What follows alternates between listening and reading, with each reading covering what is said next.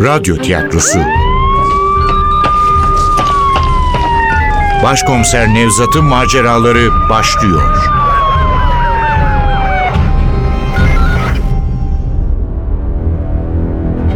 Kavim.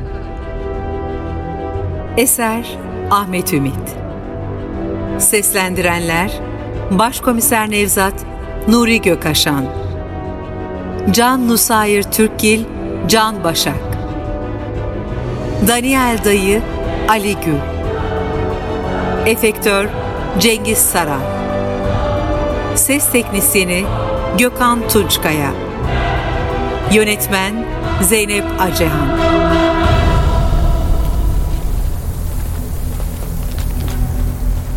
Merkeze geldiğimizde kar yeniden başlıyor. Yoğun bir sis gibi aniden bastıran koyu beyazlığın içinden geçerek giriyoruz emniyete. Meryem'in avukatı Sıtkı elinde çantasıyla kapıda bizi bekliyor.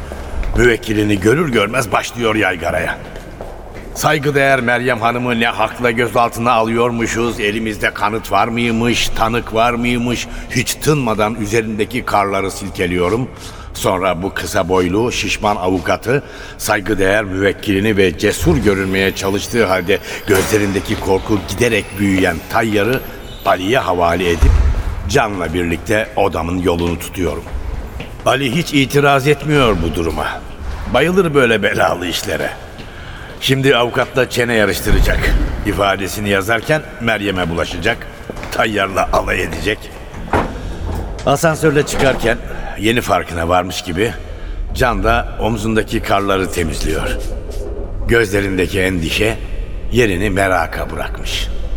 Karları temizledikten sonra asansörün içinde hangi katta, hangi emniyet biriminin bulunduğunu belirten tabelaya bakıyor. Emniyete ilk gelişin mi? İlk.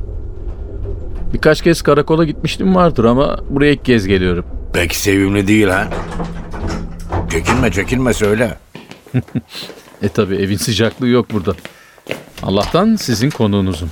Geç istediğin yere. Aç mısın? Yiyecek bir şeyler söyleyeyim mi? Teşekkür ederim karnım tok. Çay kahve de istemem. Peki o zaman seninle açık konuşacağım Can. Bugün Mali'nin dükkanındaydım. İlginç şeylerden bahsetti. Öyledir. İlginç bir adamdır Malik amca. Senin hakkında da ilginç şeyler söyledi. Özellikle dayın hakkında.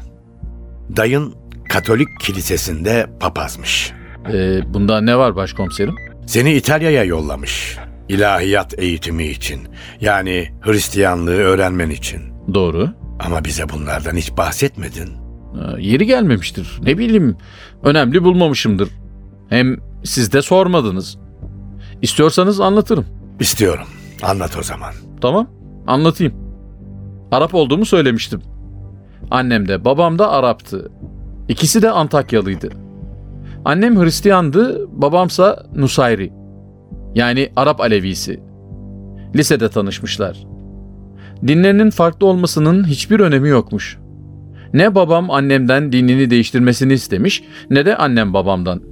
Onlar için önemli olan tek şey aşklarıymış. Ama insanlar onlar gibi düşünmüyormuş. Başta da Antakya Katolik Kilisesi'nin başpapazı Daniel dayım. Babam eğitim enstitüsünü bitirip de annemle evlenmek isteyince ilk dayım karşı çıkmış bu işe. Tek kız kardeşi Elizabeth'in bir Müslümanla evlenmesini içine sindiremiyormuş. Bu evlilik olmaz demiş. Dedemle nenem yıllar önce öldüğü için de evde onun sözü geçiyormuş. Annem de çok severmiş abisini. Fakat bu kez onu dinlememiş. Abisinin kendisini dışlamasını göze alarak babamla evlenmiş. Annemin ailesinden kimse katılmamış düğüne. Çok üzülmüş tabii kadıncağız. Bunları bana yıllar sonra Daniel dayım anlattı. Pişman olmuştu yaptıklarına. Belki de o pişmanlığının bedeli olarak beni yanına aldı. İtalya'ya yolladı. İyi bir eğitim almamı sağladı. Ama dini bir eğitim. Öyle. Hristiyanlık eğitimi. Baban ne dedi bu işe? Babamla annem ben küçükken öldüler. İkisi birlikte. Üzüldüm. Trafik kazası mı? Onun gibi bir şey. Terör kazası. 80 öncesi İstanbul'da bir arabada kurşunlandılar. E, senin için zor olmalı. Kaç yaşındaydın o zaman? 9 filan. Zordu herhalde. Fazla bir şey hatırlamıyorum. Dayım yalnız bırakmadı beni. Hemen alıp Antakya'ya götürdü. Orada bir okula yazdırdı. Ne istediysem yerine getirdi. Liseden sonra da Roma'ya yolladı. İtalya'ya yollamasını da sen mi istedin? Yani şu Hristiyanlık eğitiminden söz ediyorum. Aa, yo onu ben istemedim. Ama karşıda çıkmadım. Zaten dayımın yanında Hristiyanlıkla ilgili bir sürü şey öğrenmiştim. Öğrendiklerim çok da ters gelmiyordu bana. İsa'yı seviyordum. İyi bir adamdı. Barıştan yanaydı. Yoksuldan ve sevgiden yanaydı. Aslına bakarsanız hala seviyorum. Musa'yı da, Muhammed'i de sevdiğim gibi. O halde görüşlerin İtalya'da değişti. Öyle oldu. Üçüncü sınıfa geçmiştim. Roma Üniversitesi'nden Alessandra diye bir kızla tanıştım. Kız Arapçaya merak sarmıştı. Sanat tarihi okuyor ve İslam felsefesiyle ilgileniyordu. Sanırım benimle de Arapça öğrenmek için arkadaşlık kurmak istedi. Her neyse. O bana Aquinolu Aziz Tomasso'yu anlattı. Bu Aquinolu Tomasso Hristiyanlar için çok önemli bir adam. Onun görüşlerini öğrenince aklım karıştı. Çünkü Aquinolu Tomasso'nun bazı önemli meselelerde kendine örnek aldığı kişi İbni Rüşd'tü. Yani bir İslam felsefecisi. İbni Rüşd'ün kitaplarını okuyan Aquinolu Tomasso, onun sayesinde Aristoteles'i yeniden keşfetmişti. Evet, şaşılacak bir şey ama Aristoteles gibi önemli bir felsefeciyi yeniden gün ışığına çıkaran kişi bir batılı felsefeci değil, İbni Rüşd'tü. O zamanlar Batı dünyası Orta Çağ'ın en karanlık günlerini yaşıyordu. Hristiyanlık kara bir duman gibi çökmüştü Avrupa'nın üzerine. Kilise akla dayalı tüm düşüncelerle birlikte antik Yunan filozoflarını pagan olmakla suçlayıp düşman ilan etmişti. Can'ın söylediklerinin bir kısmını anlıyorum. Söz gelimi Aristoteles'in adını duymuştum. Orta Çağ'ın karanlığını biliyordum ama ne Aquinoğlu Tomaso'dan haberim vardı ne de İbn Rüşd'den. Belli ki Can çok önemli konulardan bahsediyor. Ne var ki bir cinayet soruşturmasının ortasında bu konular bana önemsiz birer ayrıntıymış gibi geliyor. Kusura bakmayın başkomiserim bunlar biraz ağır konular. Fazla akademik. İlginizi çekmemesi doğal. Şöyle özetleyebilirim. İslam filozoflarının Aquinolu Tomasso gibi önemli bir Hristiyan din adamını etkilediğini, değiştirdiğini öğrenince kafam karıştı. Buna Alevi bir babanın oğlu olmamı da eklersek, uzun saçlı, iri gözlü, masum yüzlü İsa'dan uzaklaşmaya başladım. İslam filozoflarının kitaplarına yöneldim. Ardından ötekiler geldi. Bir de baktım, bilinemezci olup çıkmışım. Şu bilimsellik işini de fazla abartmayalım. Tamam o sıralar din felsefesiyle filan ilgileniyoruz ama kafamızı asıl karıştıran şey Alessandra'nın esmer teninde iki zümrüt gibi parlayan gözleri. Çünkü bütün bunları Alessandra sayesinde öğreniyordum. Bütün bunları onunla tartışıyordum. Üstelik bu tartışma kısa sürede üniversite kantininden Alessandra'nın evine taşınmıştı. Dayın ne dedi bu işe? O sıralar beni en çok endişelendiren dayımdı zaten. Acaba ne diyecekti bu işe? Yaz tatilinde Antakya'ya dönünce hiç kıvırmadan, çekinmeden gerçeği olduğu gibi anlattım. Zaten heykel yapmaya, resme falan merakım vardı. Ben ilahiyat değil, sanat tarihi okumak istiyorum dedim. Dayım hiç kızmadı. Sadece aşık oldun değil mi diye sordu. ne diyeceğimi bilemedim. Yüzüm kızardı. Çünkü dayım hiç evlenmemişti. Ruhuyla birlikte bedenini de İsa'nın ideallerine adamıştı. Böyle bir adamın karşısında ne yapayım? Alessandra'nın yeşil gözlerine, uzun bacaklarına vuruldum demek biraz hafif kaçacaktı. Azarlamasını, hatta aşağılamasını, hemen git günah çıkar demesini bekledim. Yapmadı. Elini omuzuma koydu. Tanrı'nın sınavları bitmez evladım. Sen şimdi Adem babamızın karşılaştığı cinsten zor bir sınava girdin. Biliyorsun Adem babamız o sınavdan geçememiş. Havva anamızla birlikte cennetten kovulmuştu. Ama bunun sayesinde insanoğlunun büyük macerası başlamış oldu. Eğer Adem babamız Tanrı'nın yasakladığı o meyveyi yemeseydi, şimdi ne sen olurdun ne de ben. Çünkü günah diye bir şey olmazdı. Adem babamızla Havva anamız hala cennette dolaşıyor olurlardı. O yasak meyveyi yedikleri için günah işlediler. Bir başka deyişle günahı yarattılar. İşte o günah olduğu içindir ki İsa Efendimiz bizi kurtarmak amacıyla dünyaya geldi. O günah olduğu içindir ki sen genç bir adam olarak her adımda yeni bir sınava giriyorsun. Çünkü o ilk günahla birlikte bedenin istekleriyle ruhun istekleri birbirinden ayrıldı. O yüzden utanma. Bedeninle ruhun arasındaki bu savaş sonsuza kadar sürecek. Ta ki İsa Efendimizin söyledikleri gerçekleşinceye, ruh bedenin hapishanesinden kurtuluncaya, gerçek özgürlüğü buluncaya kadar. Evet başkomiserim. Daniel dayım bunları söyledi. Aslında ne demek istediğini çok iyi anlıyordum ama duyduğum sevinç söylediklerinin bir kulağımdan girip ötekinden çıkmasına neden olmuştu. Demek dayım artık bana karışmayacaktı. Demek artık özgürdüm. Demek artık istediğim okulda okuyabilecek, resimle, heykelle uğraşabilecek, Alessandra'ya daha yakın olabilecektim. Oldum da.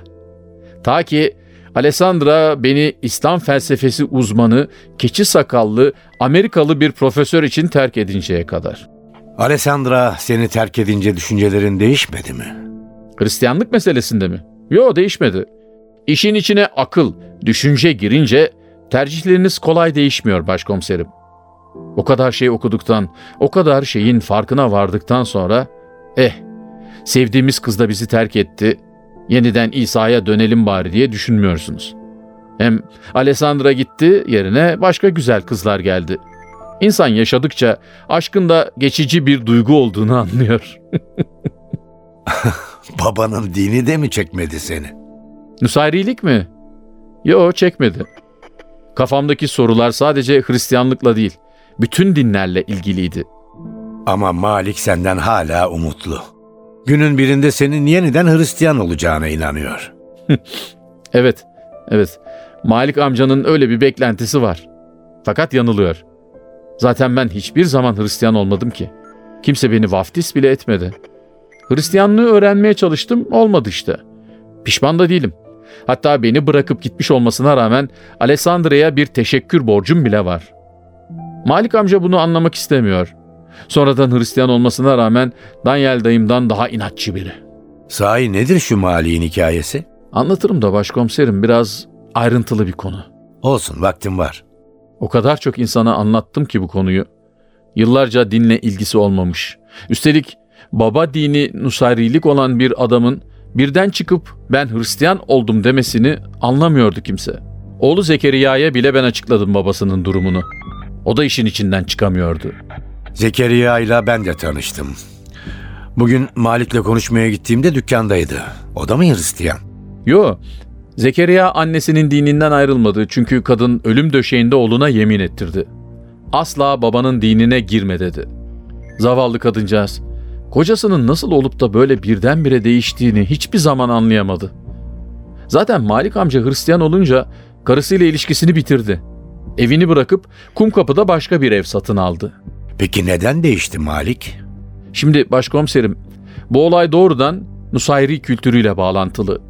Daha doğrusu Nusayriliğin düşünce tarzıyla. Nusayrilerin Arap Alevisi olduğunu söylemiştim ya. Bu inanç biçimi Anadolu'daki Alevilikten oldukça farklı. Onları buluşturan tek nokta Ali düşüncesi. Bir de politik olarak her iki kesimde sola daha yakındır. Anadolu Aleviliği, Türk şamanizmi, antik Yunan felsefesindeki bazı öğretiler, son olarak da Ali'nin adaletli düşünce sisteminin birleşmesinden oluşur. Nüsayrilik ise temelde Ali'nin düşüncesi üzerinde yükselir. Nüsayriliğin kökleri İslamiyet'in gelişme dönemlerine kadar dayanır. O dönem Müslüman askerler dinlerini yaymak için dünyanın birçok yerinde olduğu gibi Mısır'a da akınlar düzenlemişlerdi. Mısır'da hala binlerce yıl önceki inanışlarını sürdüren çok tanrılı rahipleri Müslüman yapmışlardı. Ancak insanların dinlerini değiştirmek sanıldığı kadar kolay değil. Ve din değiştiren insanlar da eski inanışlarını tümüyle terk edip yeni inanışa sarılamazlar.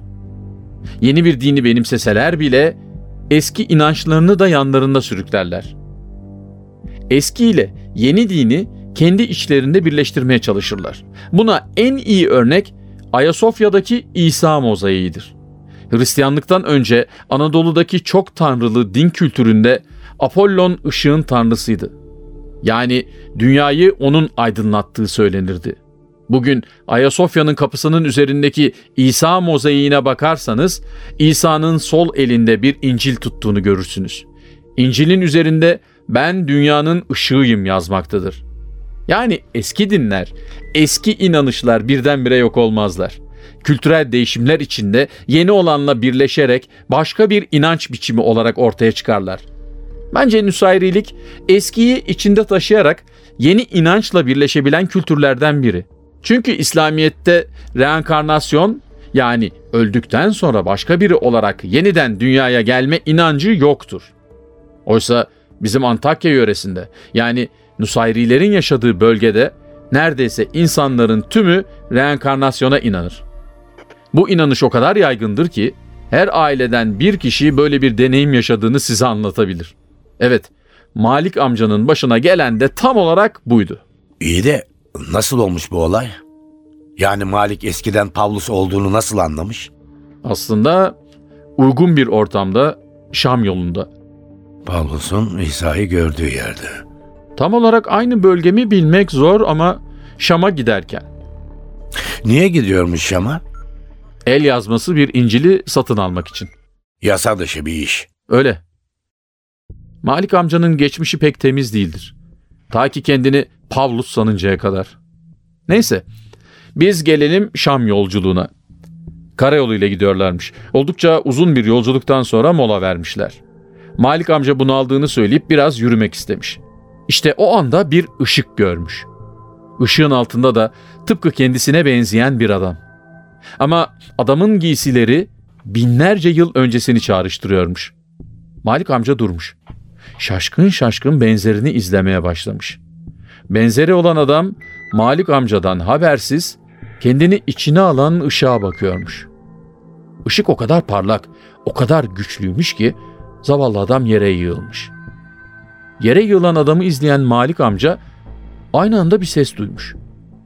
Yaralı bir ceylanınki gibi derin, genç bir aslanınki gibi öfkeli bir ses. Sağ ol, sağ ol, neden bana eziyet ediyorsun diyormuş ses. Şaşkınlık içinde yerde kıvranan adam sonunda cesaretini toplayıp sen kimsin ya Rab diye sormuş. Aldığı yanıt şöyleymiş. Ben senin eziyet verdiğin İsa'yım. Zavallı adam ne yapacağını bilemeden yattığı yerde korkuyla titrerken göklerden gelen ses yeniden gürlemiş. Şimdi ayağa kalk, kente gir. Ne yapman gerektiği sana bildirilecektir. Malik amca bu anı daha önce yaşadığını hatırlamış. Hatırlar hatırlamaz da ortalık birdenbire kararmış. Gözünü açtığında kendini mola verdikleri restoranın içinde bulmuş. Yol arkadaşları onu ayıltmaya çalışıyorlarmış. Yaşadıklarını yol arkadaşlarına anlatmış. Siz duymadınız mı? Görmediniz mi diye sormuş. Ama ondan başka kimse bu olaya tanık olmamış. İşte o günden sonra Malik amca geçmişini didiklemeye başlamış. Araştırması onu ilginç sonuçlara götürmüş. O da Pavlus gibi Tarsus'ta doğmuş. Sonradan Antakya'ya göçmüşler. Onun da babası tıpkı Pavlus'unki gibi çadırcıymış. Bunları da öğrenince iyice emin olmuş geçmiş yaşamında Pavlus olduğundan ve insanlardan kaçarak bir tür inzivaya çekilmiş. Bugünün bilgilerinden kurtulup geçmişi hatırlamaya çalışmış. Hatırladığı geçmiş Pavlus'un yaşamıymış. Ama olanları tam olarak çıkaramıyormuş. Bu nedenle İncil'e başvurmuş. İncil'den Resullerin işleri ve Pavlus'un Romalılara mektubunu okumuş. Okudukça daha iyi hatırlamış. Okudukça daha çok emin olmuş. İşte o günden sonra Malik amca sıkı bir Hristiyan oldu. Ancak onu Hristiyanlar hiçbir zaman ciddiye almadılar. Daniel dayım bile. Ki ikisi iyi arkadaştırlar. Malik amcanın geçmişte işlediği suçlardan dolayı vicdan azabı duyduğunu, Şam yolunda kafasına güneş geçince de kendisini Aziz Pavlus sanarak bir tür arınma yaşadığını söyledi. Hristiyanlığı seçtiği için Nusayri akrabaları da ona inanmadılar. Ama Malik amca ne Hristiyanlara ne de Nüsayrilere aldırdı. O kendisinin Pavlus olduğuna inandı. Ya sen? Sen inanıyor musun Mali'ye? Malik amcanın yalan söylediğini sanmıyorum. O bir sahtekar değil. Anlattıklarını sahiden de görmüş olabilir. Ama onun gördüklerinin gerçek olduğuna inanmıyorum. Daha doğrusu inanmam için bir neden yok. Büyük olasılıkla Daniel dayımın söyledikleri doğru. Malik amcanın Şam'a el yazması bir İncil almaya gittiğini biliyoruz. Yani kutsal kitabı ticaret için kullanıyordu. Bu hem yasa dışı bir işti hem de günahtı. Gözünü para hırsı bürümüş olmasına rağmen Malik amca alttan alta bir tür korku duymuş da olabilir. Bunu reenkarnasyonun olabilirliğine duyduğu inancı da eklersek Malik amcanın nasıl olup da kendisini Pavlus sandığını açıklayabiliriz. Ancak sonuçta bu açıklama bir varsayımdan öteye gidemez. Gerçek nedir bunu kesin olarak bilmek imkansız. Malik amcanın Hristiyan olması neden bu kadar önemli başkomiserim? Benim Hristiyanlıkla olan ilgimi de unutmayalım. O kadar sorduğunuza göre işin içine benim bir zamanlar Hristiyanlık eğitimi almam da giriyor. Bunlar neden önemli? Yusuf abinin cinayetiyle Hristiyanlığın ne ilgisi var? Çok ilgisi var. Yusuf kabzası haç olan bir bıçakla öldürüldü. Ayrıca cesedin bulunduğu odada açık bir kutsal kitap vardı. Kitabın bazı satırlarının altı Yusuf'un kanıyla çizilmişti. Kitabın kenarına ise yine Yusuf'un kanıyla Mor Gabriel yazılmıştı. Mor Gabriel mi? Emin misiniz? Mor Gabriel mi yazıyor? Öyle yazıyordu. Kitap burada mı? Ben de bakmak isterdim. Kitap burada. Getirtiriz ama önce şu Mor Gabriel'den konuşalım biraz. Kim bu adam? Mor Gabriel bir aziz. Bir Süryani azizi. Önemli bir adam. Mucizeler yaptığı söyleniyor. Onun adına bir manastır bile var. O manastırda mı yaşıyor bu adam? Ne yaşaması başkomiserim? Mor Gabriel yaklaşık 1400 yıl önce öldü. Eceliyle mi ölmüş? Eceliyle ölmüş. Üstelik zamanına göre oldukça da uzun bir ömür sürerek. Tam 74 yıl yaşamış. Peki gerçekleştirdiği mucizeler neymiş? Hmm, hastalıkların iyileştirilmesiyle ilgili bir mucizesi var. Ha bir de uzun yıllar cesedi hiç bozulmamış. Nereden biliyorlar cesedinin bozulmadığını? Mor Gabriel Manastırı'nda anlatılan bir efsane var. Mor Gabriel öldükten yüzlerce yıl sonra birileri onun cesedini çalmış. Manastırdaki rahiplerin olaydan haberi yok. Ancak ertesi sabah hırsızların hepsi manastırın dışında ölü bulunmuş. Yanlarında da Mor Gabriel'in cesedi. Bir de bakmışlar ki Mor Gabriel'in cesedi öldüğü günkü gibi taptaze. Sen inanıyor musun bunlara? İnanmıyorum, inanmıyorum ama Yusuf abi bana hep gördüğü bir rüyayı anlatınca biraz kafam karıştı doğrusu. Neymiş bu rüya? Aslında bir rüya mı, halüsinasyon mu ondan emin değilim. E, siz de tespit etmişsiniz. Yusuf abi uyuşturucu içerdi. Bizim tespit ettiğimizi nereden biliyorsun? Meryem abla söyledi. Ona sormuşsunuz öyle değil mi? Öyle. Sanırım Meryem de içiyormuş. Ya sen? Sen de içer misin? Size yalan söylemeyeceğim başkomiserim. Ben de içerim ama her zaman değil. Yusuf'la birlikte de içtin mi? İçtim ama bir yere kadar. Ben nerede duracağımı bilirim. Yusuf abinin sorunu nerede duracağını bilmemesiydi. Başladı mı donup kalıncaya kadar içiyordu ya da sızıncaya kadar. Sanki unutmak istediği kötü bir anı vardı da yardım umar gibi çaresizce içiyordu. O yüzden belki de bana rüya diye anlattığı olay uyuşturucunun etkisiyle gördüğü bir hayaldi. Ama tuhaf bir hayal. Genzini yakan bir koku duyuyormuş önce. Tanıdığı bir koku. Bu koku ona yüzyıllarca kapalı kalmış bir manastırı çağrıştırıyormuş. Manastırda yakılan kandilleri, ufalanan taşları, eriyen mermeri, çürüyen ahşabı, yıpranmış sayfaları, küflenen cesetleri. Evet, cesetleri. Böyle anlatmıştı Yusuf abi. Ama hiç korkmuyormuş. Sadece çevresine bakınıyormuş. O anda usulca kımıldanan siyah bir leke görüyormuş. Biçimsiz, belirsiz bir leke. Simsiyah bir silüet. Lekeye gülümsüyormuş. Aynı anda Mor Gabriel sözleri dökülüyormuş ağzından. Bu sözcükleri söyleyince leke usulca yaklaşıyormuş. Yaklaşınca da insan cismine bürünü veriyormuş. Sakallı, siyahlar giymiş bir insan. O insan başucuna gelip kulağına fısıldıyormuş. Beni tanıdın mı? Mor Gabriel diye mırıldanıyormuş yine Yusuf abi. Ağzından Mor Gabriel sözcüğü dökülürken bir müzik duyuyormuş derinden. Çok derinden gelen bir ayin müziği. Süryani dilinde yinelenen tutkulu bir mırıltı. Kendinden geçmiş birinin söylediği bir tekerleme. Aynı anda haçı fark ediyormuş. Gümüşten bir haç. Adam haçı elinde mi taşıyor yoksa göğsünde mi anlamaya çalışırken boşluğu bölen bir parıltı görüyormuş. Bir acı hissediyormuş. Parıltı yeniden yanıp sönünce acı kayboluyormuş. Bütün bedenine bir rahatlık yayılıyor, ses uzaklaşıyor, odadaki renkler siliniyor. En sonda o siyah leke kayboluyormuş. Siyah leke kaybolduğu anda Yusuf abi de uyanıyormuş. Parıltıyı iki kere mi görmüş? Evet iki kere. Öyle söylemişti.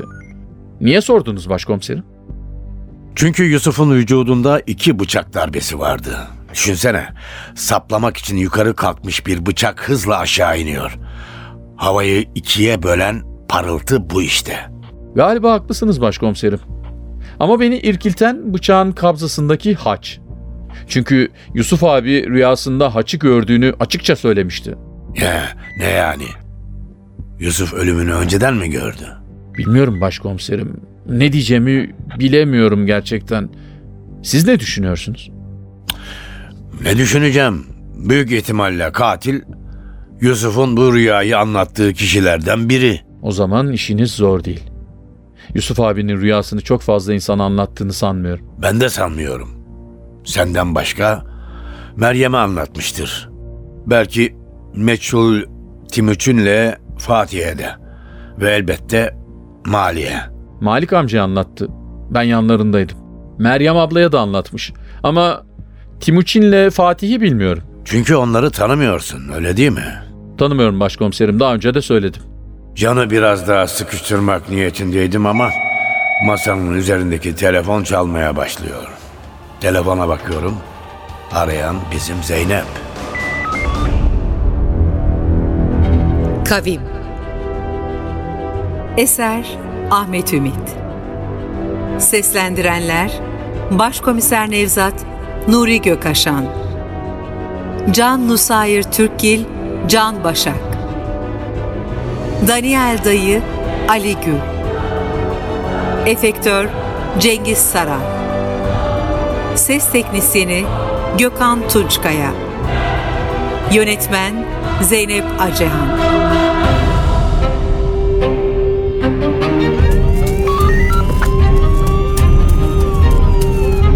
Radyo tiyatrosu. Başkomiser Nevzat'ın maceraları Başkomiser Nevzat'ın maceraları her cumartesi 11.15'te NTV Radyo'da. Kaçıranlar ve tekrar dinlemek isteyenler içinse ntvradio.com.tr'deki podcast sayfamızda.